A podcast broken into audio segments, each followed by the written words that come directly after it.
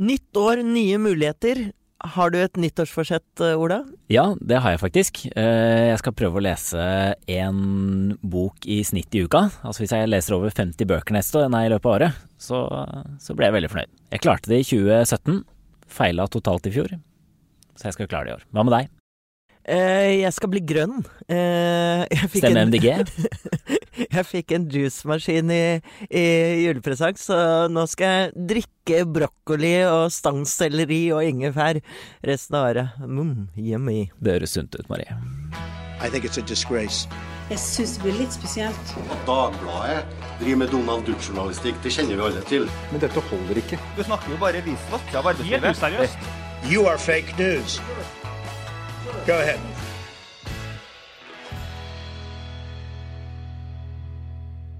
I forrige podkast så oppsummerte vi skandaleåret 2018, men 2019 blir ikke mindre dramatisk, det er helt sikkert. Eh, borte i USA så har vi en president som kanskje, kanskje ikke blir stilt for riksrett, og 29. mars går eh, Storbritannia etter planen ut av EU.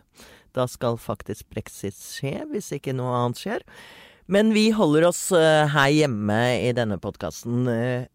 Geir Ramnefjell, hva er det egentlig som foregår borte på Hadeland? Borte på Hadeland så har de klemt seg inn på et uh, lite gjestgiveri med uh, flere rom enn det er bad. Så de slåss både om romfordeling og hvem som skal ha egne bad. Uh, eller om de skal bare ha bad på korridoren.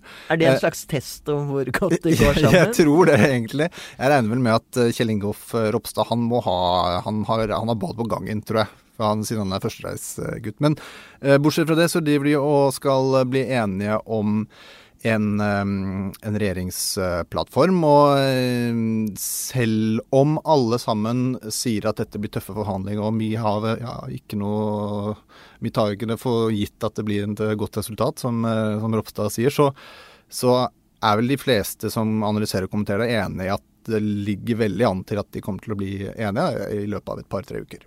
Men så vidt jeg skjønner med sånne regjeringsforhandlinger, det er jo det alle forteller meg hele tiden når de skal beskrive stemningen der, er at det er mye grining. Eh, altså, hvem er det som eh, griner mest borte på Hana? Nei, den som griner mest er jo sannsynligvis da Trine Skei Grande, som har fått rykte på seg for å være en, en grinesabb i, i, offentligheten, stakkar. Eh, men Men har hun grunn til det? Eh, ja, altså Det er vel egentlig Erna Solberg som har tvunget gjennom dette her. Altså Venstre er den første av de ekstrapartiene som har kommet inn i regjeringen. Og hun har vel egentlig da som sagt tydelig fra at nå skal vi også ha KrF med inn i, inn i regjeringen. Men det er vel Kanskje det er Frp som har mest grunn til å grine, for de må jo gi fra seg statsrådposter. Og de ligger ikke veldig høyt på målingene, enn de heller, og nærmer seg et kommunevalg hvor de må være påfangsgivende og markere seg. I kampen med, med, med, Senterpartiet, som på en måte også beiter litt i samme velgersjikt som, som, som Frp. Så så det er jo litt sånn småstipping både her og der, tenker jeg. på Jeg ser liksom ikke for meg Siv Jensen hulke. Det er, det er mer raseri og sinne der, tror jeg. Det, det liker jeg jo for så vidt. Eh, du er inne på det, at, uh, at jeg tror at mange lurer litt på det som foregår. Fordi at her har vi fire partier, eller i hvert fall tre av de, som er liksom de som hater hverandre mest i norsk politikk. Venstre og KrF på den ene siden og Frp på den andre. Altså, Hvordan skal, i all verden skal dette gå? Det går vel på den måten at eh, de har jo sittet sammen og forhandlet om statsbudsjett siden 2013 og blitt enige hver eneste gang. Så det tyder jo på at pragmatismen sitter liksom i godt innbrenta i alle som er til stede på forhandlingene der. Men Og så ser man jo at liksom det som er kanskje de viktigste eller de største konfliktsakene, det er jo innvandringspolitikk, det er klimapolitikk og oljepengebruk, eller pengebruk for, for, staten. Og når det gjelder innvandringspolitikk, som kanskje kunne vært liksom det mest vanskelige, der har de på en måte kommet i en slags sånn de, de, har løst det, eller låst det, som jeg har skrevet i en eh, kommentar. At de har på en måte sånn, de har festa hverandre i et sånt grep, og alle OK, sånn blir det. Og så har alle på en måte lagt, latt det være det eh, med det. Sånn at akkurat den saken er nok kanskje parkert og vil nok ikke skape så mye trøbbel. Det er litt sånn som EU-saken har vært i tidligere. Ja, det er nesten sånn EØS-avtale som de har mm. kommet fram til når det gjelder innvandringspolitikk. Mens klimapolitikk blir nok ganske vanskelig. Det tror jeg de kommer til å løse nå i, eh, i forhandlingene. Fordi da kan man liksom lage noen runde formuleringer om vi har lyst til og vi ønsker og, ikke sant? Men når det kommer til stykket og vi skal innføre miljøtiltak eller avgifter, så blir det nok eh, vanskeligere. Og det samme med oljepengebruken, hvor KrF har lyst til å bruke mye penger og Høyre ikke vil gjøre det på lederplass i avisa har vi vært bekymra over at det ikke blir så veldig forpliktende det her. Altså Morgenbladet gjorde en uh, gjennomgang av Jeløya-plattformen for et år siden og fant ut at 9% av den består av det de kaller handlingsforpliktelser. Uh, resten er liksom intensjoner og selvskryt og en del sånne ting. Så altså hvis bare 10% av en regjeringsplattform faktisk er ting de blir enige om å gjøre, resten bare er liksom litt ulne formuleringer og sånt, så er det er det jo en måte å løse en del uenigheter på.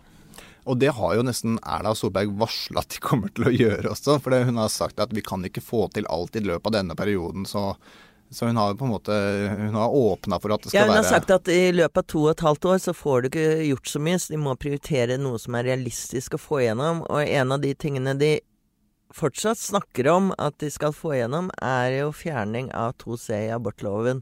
Og der vil jeg bare oppfordre Altså, det er det kommer det til å bli kamp om. Nå har jo for så vidt eh, KrFU, lederen i KrFU, sagt at det er nok om de får noe på tvillingabort, et forbud mot tvillingabort. Eh, så det virker som om retretten allerede er, er lagt. Eh, men jeg tror det blir Jeg tror Erna Solbergs ettermæle får seg en kraftig smell hvis, hvis, det blir en endring av abortloven på den måten som hun har lagt opp til. Mm. Ja, det tror jeg er helt, helt riktig. Og heldigvis for Erna Solberg da, så har hun jo blitt uh, kommet i møte av da KrFU, uh, eh, f.eks. Og det er også lekket ut uh, at sentralt i KrF så mener de at um, det vil koste for mye å få et ordentlig gjennomslag i abortsaken. At da må de gi så mye på andre områder at det kanskje ikke er så lurt. Men, men dermed kan vi vel slå fast her i podkasten at Kjell Ingolf Ropstad vant uh, den uh, dragkampen på falske premisser. Yes! Yes. Godt. Uh, det er noe annet som skjer i år. Det er den første store testen, kan du si, på at hvordan velgeren tar imot denne regjeringen, kommer kanskje allerede i høst, under kommunevalget. Og der er det mye dramatikk eh, ligger an til. I hvert fall eh, det er stor dragkamp i de, alle de store byene. Eh, og det er også en slags test på om denne distriktsopprøret, motstrømspartiene, om den bølgen fortsatt vedvarer, eller om den er litt på hell. Hvordan ser det ut der nå? Nei, altså Arbeiderpartiet gjorde jo et veldig godt valg i 2015, så det skal godt gjøres at de klarer å matche, matche det. De hadde jo et kjempefall på målingene i, i fjor, har, men har vokst i, løpet, men vokst i løpet av fjoråret. Sånn at hvis man ser på de store byene, så lå det liksom an til at Arbeiderpartiet, da, som nå hadde tatt både Oslo og Bergen og Trondheim, at liksom alt, alle skansene ville falle. Og at det ville bli et, eh, et maktskifte i de store byene som man liksom regner som, som, som, viktige, fordi det er en signaleffekt om hvordan de politiske trendene utvikler seg. Men der ser man jo at de støttepartiene som Arbeiderpartiet samarbeid med både i Oslo og i Trondheim, uh, gjør det veldig bra og holder stand. Uh, så det blir vel kanskje Det, det, går mot et, et, maktskifte i Bergen, sånn som målingene ligger an nå. Men det lå jo også nesten rett i kortene. For det, ved forrige valg i 2015 så fikk jo Høyre et ras på målingene, og Bergen er jo en Høyre-bastion. Det hadde nettopp vært gjennom den Trude Drevland-saken med korrupsjonstiltalen og sånn, som gjorde at hele det partiet kollapsa. Så, så, det var en unntaksår, og man kan ikke vente noe annet. Men, men Røde Bastionen i Trondheim, altså hvis de klarer å beholde makta der, da, da er det et eller annet rart med politikken, syns jeg.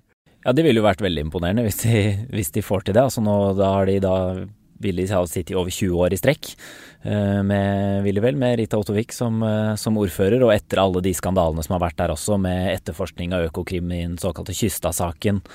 Eh, osv., så, videre, så er det jo, har jo velgerne nå vel flykta litt til venstre for Arbeiderpartiet. Mm. Men hvis hele blokken fortsatt får flertall, så er jo det Altså Høyre har en historisk mulighet, da, for å bruke Ropstads eh, formulering her, for å ta den makta i Trondheim. Bare de ikke endrer abortloven, så.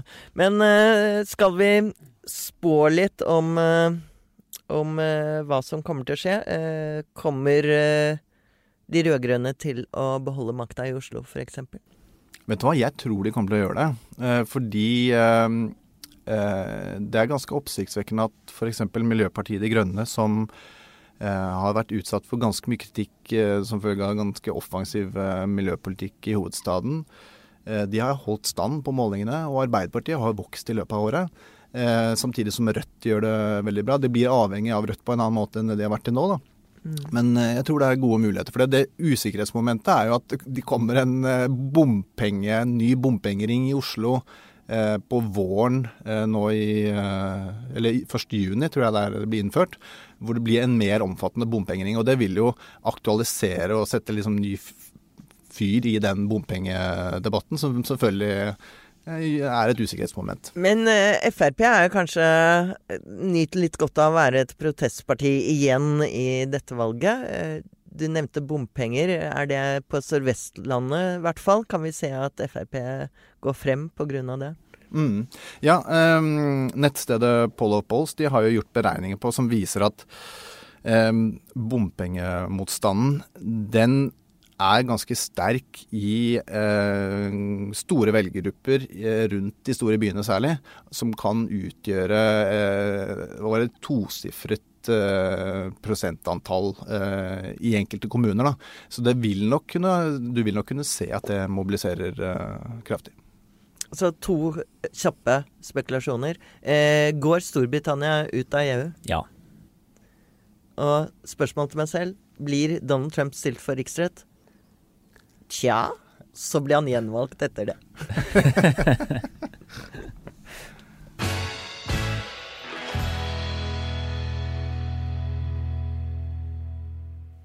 Dagbladet fyller 150 år denne uka, og jeg har vært her bare i 15 av dem. Men som eh, mange har jeg vokst opp med Dagbladet som en sentral og viktig samfunnsdebattant. Det handler selvfølgelig om sterke og kjente personligheter, men det handler også om Dagbladets progressive ståsted, kulturradikalismen, som i dag er blitt et litt sånn utskjelt begrep, eller kanskje utvannet, men som til de grader fortsatt er en del av Dagbladets sjel. Men jeg opplever ofte at Dagbladet er litt misforstått eh, i kommentarfeltet og der ute i debatten, eller kanskje er det vi som er uklare. Så derfor skal jeg gå rett til kilden. Jon Olav Egeland, tidligere sjefredaktør og politisk redaktør, vært her siden 70-tallet. Hvordan vil du beskrive Dagbladets politiske filosofi? Med to ord eh, som utgangspunkt. Radikal og liberal. Ikke sosialdemokratisk og ikke sosialistisk, bare for å lage noen helt klare merkelapper. Radikal i sosialpolitisk forstand, dels i økonomisk forstand og i alle likestillingsspørsmål og spørsmål som gjelder menneskelig frihet.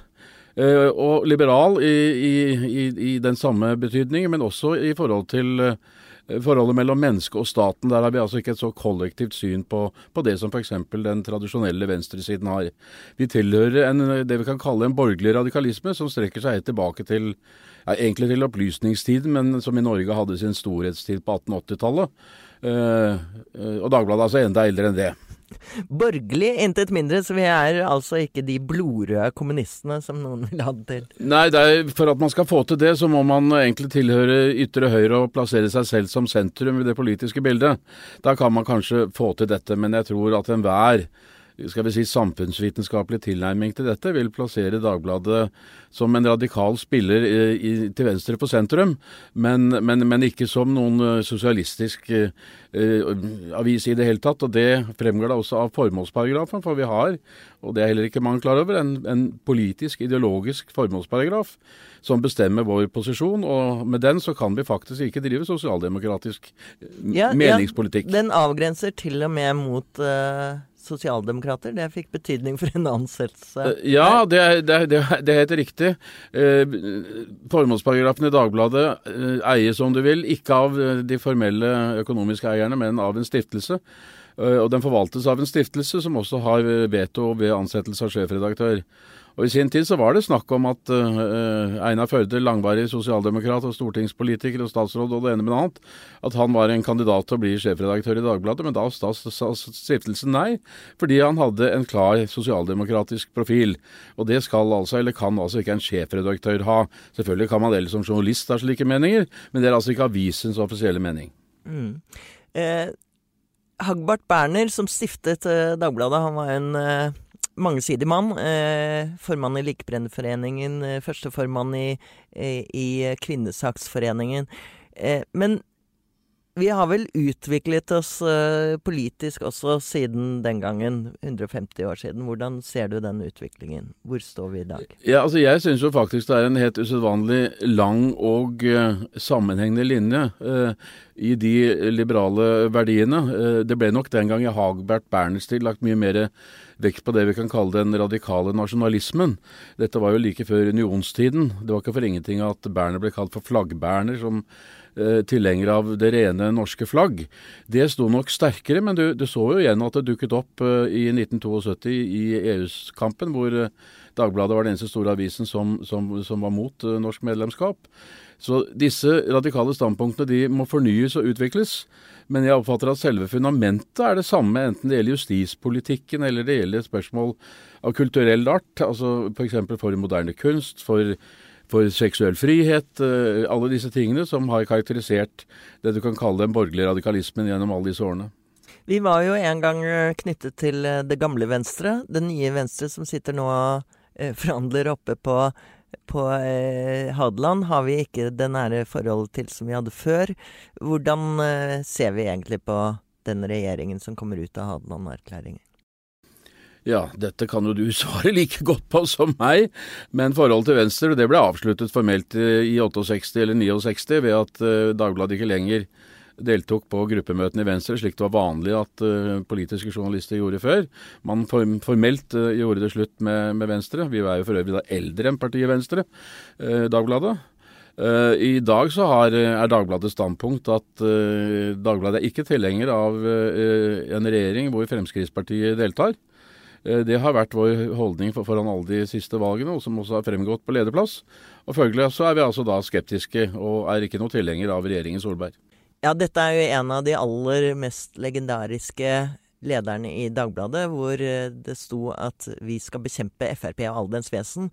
Og det var en leder som gjorde så sterkt inntrykk at Siv Jensen holdt den opp på valgnatta og sa at her er grunnen til at vi tapte valget.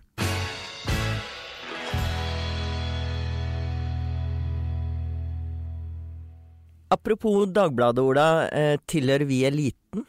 Ja, vi tilhører vel definitivt en del av menings- og medieeliten i Norge. Det var trist å høre. For det er, eh, så vidt jeg har skjønt, eh, helt feil å tilhøre eliten? Ja, så det er i hvert fall veldig populært i, i de siste årene å angripe elitene eh, som en vei til makta. Så det er veldig populært blant eh, høyrepopulistene. Trump har gjort det, brexit-motstanderne eh, brukte det. Eh, som et argument om at vi måtte gjøre opprør mot eliten i Brussel, opprør mot eliten i London osv. Og, så eh, og det er populært her i Norge. Eh, Trygve Slagsvold Vedum f.eks. og Senterpartiet har jo flere ganger angrepet Oslo-eliten. Sylvi Listhaug forsvarer den økonomiske eliten. De har jo bare jobba seg hardt fram til et flott hus på vestkanten, men angriper kultur- og meningseliten f.eks. Men hva hva er, egentlig galt med det? Altså Vi i Dagbladet også er jo nettopp skal være maktkritiske og kritisere de som styrer landet og da tilhører eliten. Ja, godt du sa. Altså det, er, det går et ganske klart skille, mener, eh, mener jeg, mellom uh, maktkritikk og samfunnskritikk og det Dagbladet på lederplass også kalte den velregisserte antielitismen. Uh, nemlig folk som er elite selv utgir seg for å være en del av folket og anklager meningsmotstandere for å være en elite som ikke har kontakt med folket, uh, istedenfor å ta tak i argumentene deres. Altså de regisserer en form for uh, da, falsk antielitisme. For å vinne på det selv da, og score poeng hos det de selv mener er folk flest. da. F.eks. Slagsvold Vedum som angriper norske byråkrater fordi de sykler på elsykkel, uh, har flere års utdanning. Er det også galt nå? Ja, så han sier i hvert fall at det gjør at de ikke kan forstå eller sette seg godt nok inn i uh, holdningene og følelsene Nei, ja, eh, om hvordan det er å leve med ulven, da, for eksempel. Eh, som et eksempel. Jeg visste at før eller siden kommer ulven på plass.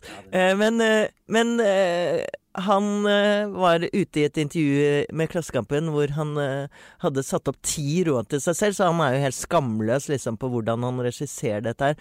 Men eh, der eh, hadde han noen eksempler på hvordan han er opptrer for, folkelig selv når han ikke trenger å gjøre det. Ja, altså Et av de var uh, kjør mindre helikopter, eller fly mindre helikopter. Det tenker jeg, det, det skal jeg klare i, skal jeg i 2019. klare. Ja, bra, Marie. Er, vi må trappe ned på helikopterflyginga vår. Men eh, et annet var f.eks. ikke, ikke snik i køa, selv om du kan. Uh, Eller gå forbi i køa da han nevner sånn fast track-billetter på flyplasser, eller uh, fordeler han får som partileder. F.eks. under Arendalsuka, hvor han da sto i kø til Madame Reiersen, denne stappfulle, proppfulle puben nede i Pollen der, hvor alle Den samles køen og har jeg også stått i. Det, det, det er det mange som har. Eh, og også Trygve Slagsvold Vedum, for han nekta da å la seg eh, få lov til å snike forbi køa, selv om han var partileder, og mente at det tar seg best ut at han, eh, han blir stående der. For å gi en illusjon at han er folk flest. Eh, men alle, men det var ikke alle partilederen som gjorde det. Det var vel én partileder som eh, bare strena rett forbi, som også Klassekampen og Vedum nevner. Eh, hvem var det, Marie? Vet vi det? De sier en ikke-navngitt partileder og bygger litt spenning der. Som hoie til Vedum at 'kom igjen, Trygve, du kan gå rett forbi', eller Rett- 'vi kan gå rett forbi'. Men hvilke elitister er det Hvilken, eller hvilken elitist tror, er dette? jeg tror hvis vi har en kryss, så tror jeg at uh, Jeg tror ikke det blir vanskelig å vinne den. Det var selvfølgelig Jonas. Dere har hørt på siste med Marie Simonsen. Gå gjerne inn på Facebook og lik og del oss der. Eller hør på oss eh, på Akast og andre steder hvor du laster ned podkast.